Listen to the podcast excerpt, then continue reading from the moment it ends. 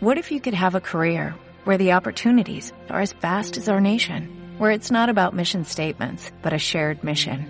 At U.S. Customs and Border Protection, we go beyond to protect more than borders, from ship to shore, air to ground, cities to local communities. CBP agents and officers are keeping people safe. Join U.S. Customs and Border Protection and go beyond for something far greater than yourself.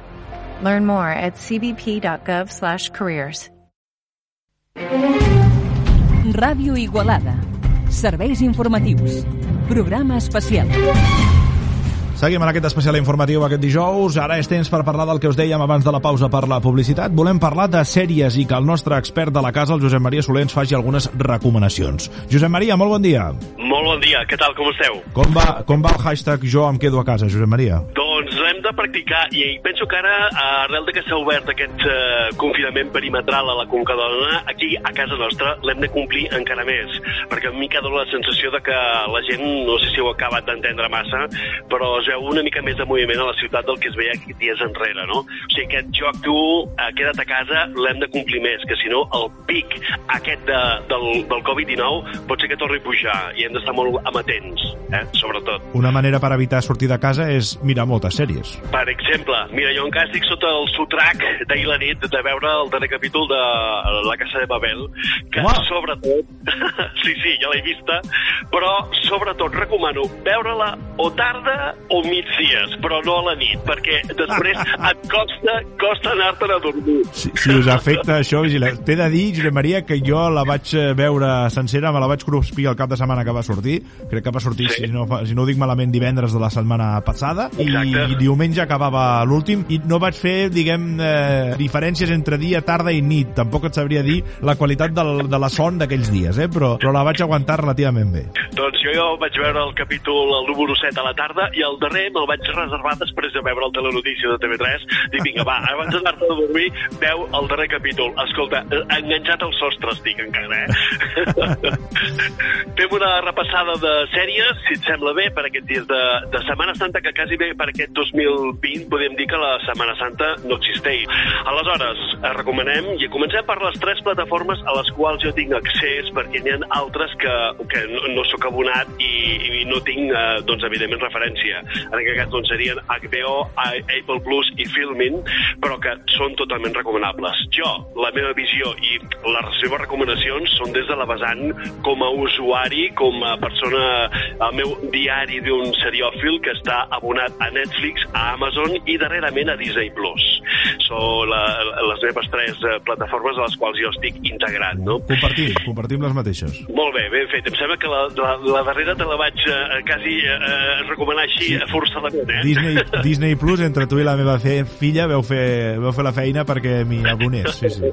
Doncs mira, comencem per Netflix, i ja que parlàvem de la Casa de Papel, evidentment, doncs des del passat divendres ja està en marxa i està programada eh, la quarta temporada de la Casa de Papel, que continua, diguéssim, estirant el xiclet aquest d'aquest eh, gran atracament al Banc d'Espanya que realitza doncs, el professor i la resta de la formació.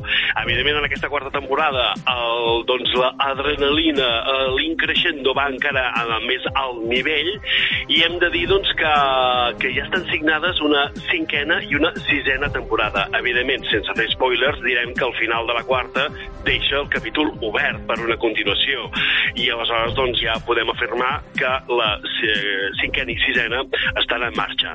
Quan les veurem no ho sé, perquè hem de tenir en compte doncs, que ara en tot el procés del Covid-19 eh, doncs, tots els projectes estan aturats, rodatges, planificacions, però esperem veure-la molt aviat, De perquè... fet, jo llegia l'altre dia que, que probablement l'acabarem eh, veient al 2022. Per tant, déu-n'hi-do el que ens falta per poder veure la propera temporada. És interessant que diguis que s'ha confirmat que hi ha una cinquena i una sisena, perquè si veus la sèrie sense saber-ho, eh, arriba un moment que t'estranya una mica que, que hi hagi tants detalls i que no avanci en alguns moments tant la sèrie, però clar, entenent que n'hi ha més, doncs ara pots entendre-ho d'una altra manera. I a més a més, eh, el, el que també doncs, eh, et deixa aquesta sensació de que un cop que l'has vista, si has fet una sessió maratoniana, és allò de dir, i ara, i ara què? Sí, sí. Eh, eh, et, et sents orfe, no? Totalment. Llavors, et costa trobar una altra sèrie que en, en mantingui aquest mateix nivell de- d'adrenalina, de, tensió, de- de- d'estar de, emocionat per veure el que els hi passa a la colla que, que envolten el professor i tots els personatges secundaris que també són molt bons dins de la sèrie. Així és, així és, doctor. Ah, exacte, perfecte, pacient. Vols que escoltem el tràiler? Som-hi, va. Som-hi. Aquest és el tràiler de la quarta temporada de La Casa de Papel que es va estrenar el divendres passat a Netflix. Todo puede joderse en una milésima de segundo.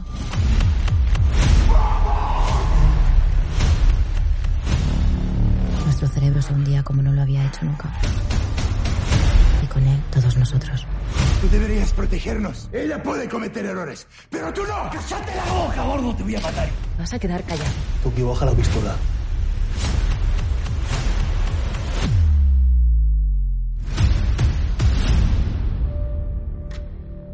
Te ofrezco la libertad.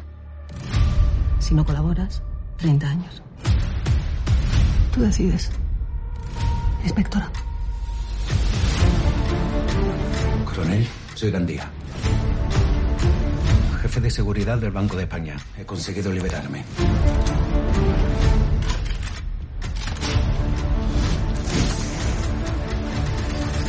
Acabo de perder las cámaras de limpios del banco.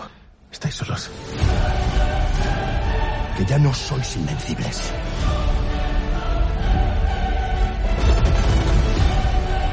Tokio es un asesino.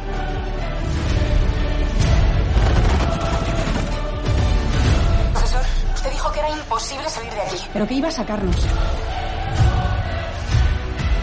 Cumpla su palabra.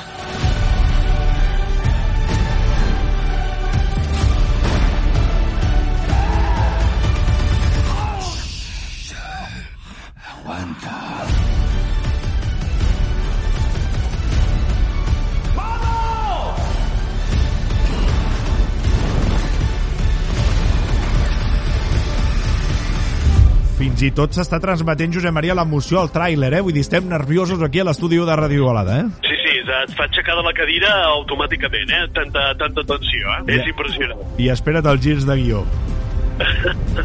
No, di no direm més, no direm més. No, no, no, no descobrim res més. Si teniu aquests dies, que suposo que tots tenim molt de temps, doncs podeu fer aquesta sessió maratoniana de veure doncs, uh, La Casa de Paper, que no és Perfecte. l'única sèrie que podem veure a Netflix. Anem avançant, Sí. fem una repassada química ràpida, perquè diríem que La Casa de Paper és el més destacat a hores d'ara, però tenim altres històries, com per exemple, pels adolescents, Ja. la tercera temporada d'Elite, recomanable. Elite, aquesta tercera temporada, el que tanca és, doncs, va tancant temes de les dues primeres que han quedat pendents, doncs diríem que uh, va tancant situacions i ja crec que ja és la definitiva, la que tanca la, la continuació d'aquesta sèrie de producció espanyola. També recomano Freud, uh, la vida, un biòpic sobre la vida de Sigmund Freud, que també està molt ben realitzada. Uh, tipus comèdia, El mètode Kominsky, molt divertida. Són ja dues temporades, protagonitzada per Michael Douglas, de, amb, amb situacions realment còmiques eh, sobre la tercera edat que li passa doncs, amb aquest director d'escena i teatral que té situacions molt divertides. D'aquesta mateixa línia doncs, també podríem recomanar doncs, eh, El Vecino. És una producció espanyola que protagonitza King Gutiérrez i és un superheroi espanyol, però escolta, divertidíssima, tu passes molt bé. Mm. Més coses que us podem recomanar, doncs, per exemple, en aquest cas, Versalles. També recomano Versalles, que porta ja dos tres temporades, la història de, de Lluís XIV, del, del regnat a l'època a França, i que està ambientada, rodada moltes escenes dins del, del que és el Palau de Versalles de manera original. De, de fet, aquestes així històriques, si, si, si us agraden les històriques, tant Versalles com The Crown, eh, a nivell d'espais, de, de, de, de, d'ambients, de rodatges, estan molt, molt ben aconseguides. Estan molt ben aconseguides i evidentment com tu ben bé afegies The Crown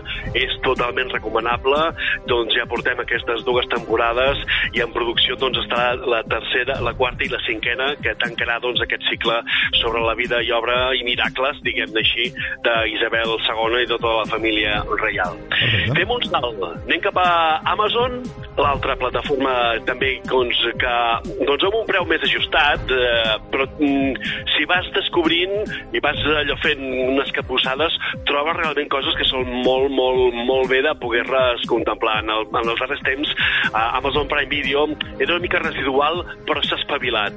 Jo aquests dies estic recuperant una sèrie que me l'havien recomanat, recomanat, però que no li havia fet massa cas, que és Peaky Blinders. Escolta, és impressionant.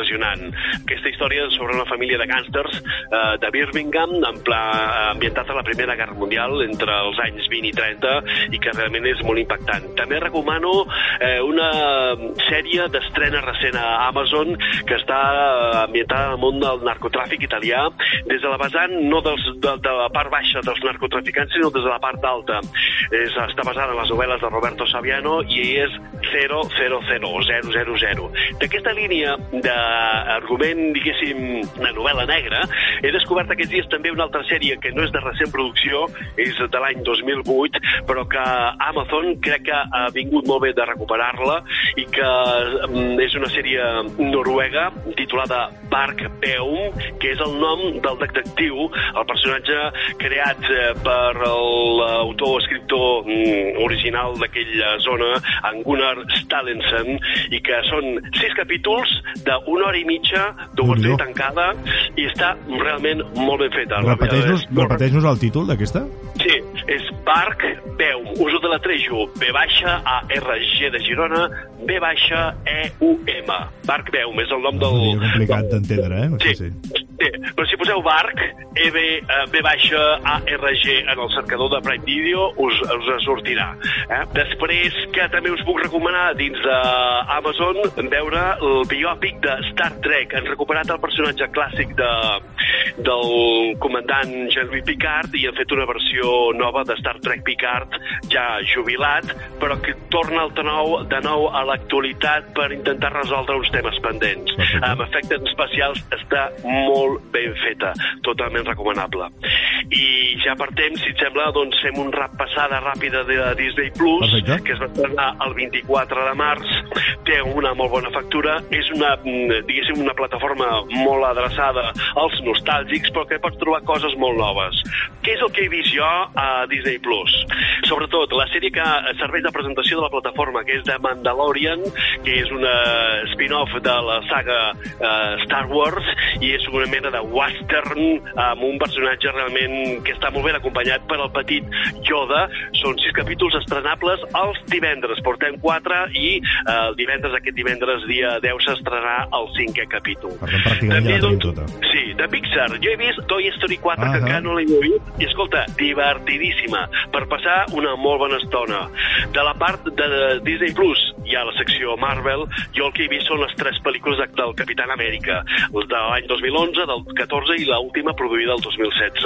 Són pel·lícules de quasi dues hores i mitja, tres hores, però escolta, pots passar unes estones també amb molta adrenalina i que tu pots passar superbé. De la vessant Star Solo pots veure Han Solo, que és la pel·lícula que es va fer sobre el personatge de la saga Star Wars. Star Wars. Aquesta seria una mica doncs, el que recomano per aquests dies de, Perfecte. de la no Setmana Setmana Santa. Eh? Gràcies, Josep Maria Soler. Moltíssimes gràcies per fer-nos aquestes recomanacions. A vosaltres.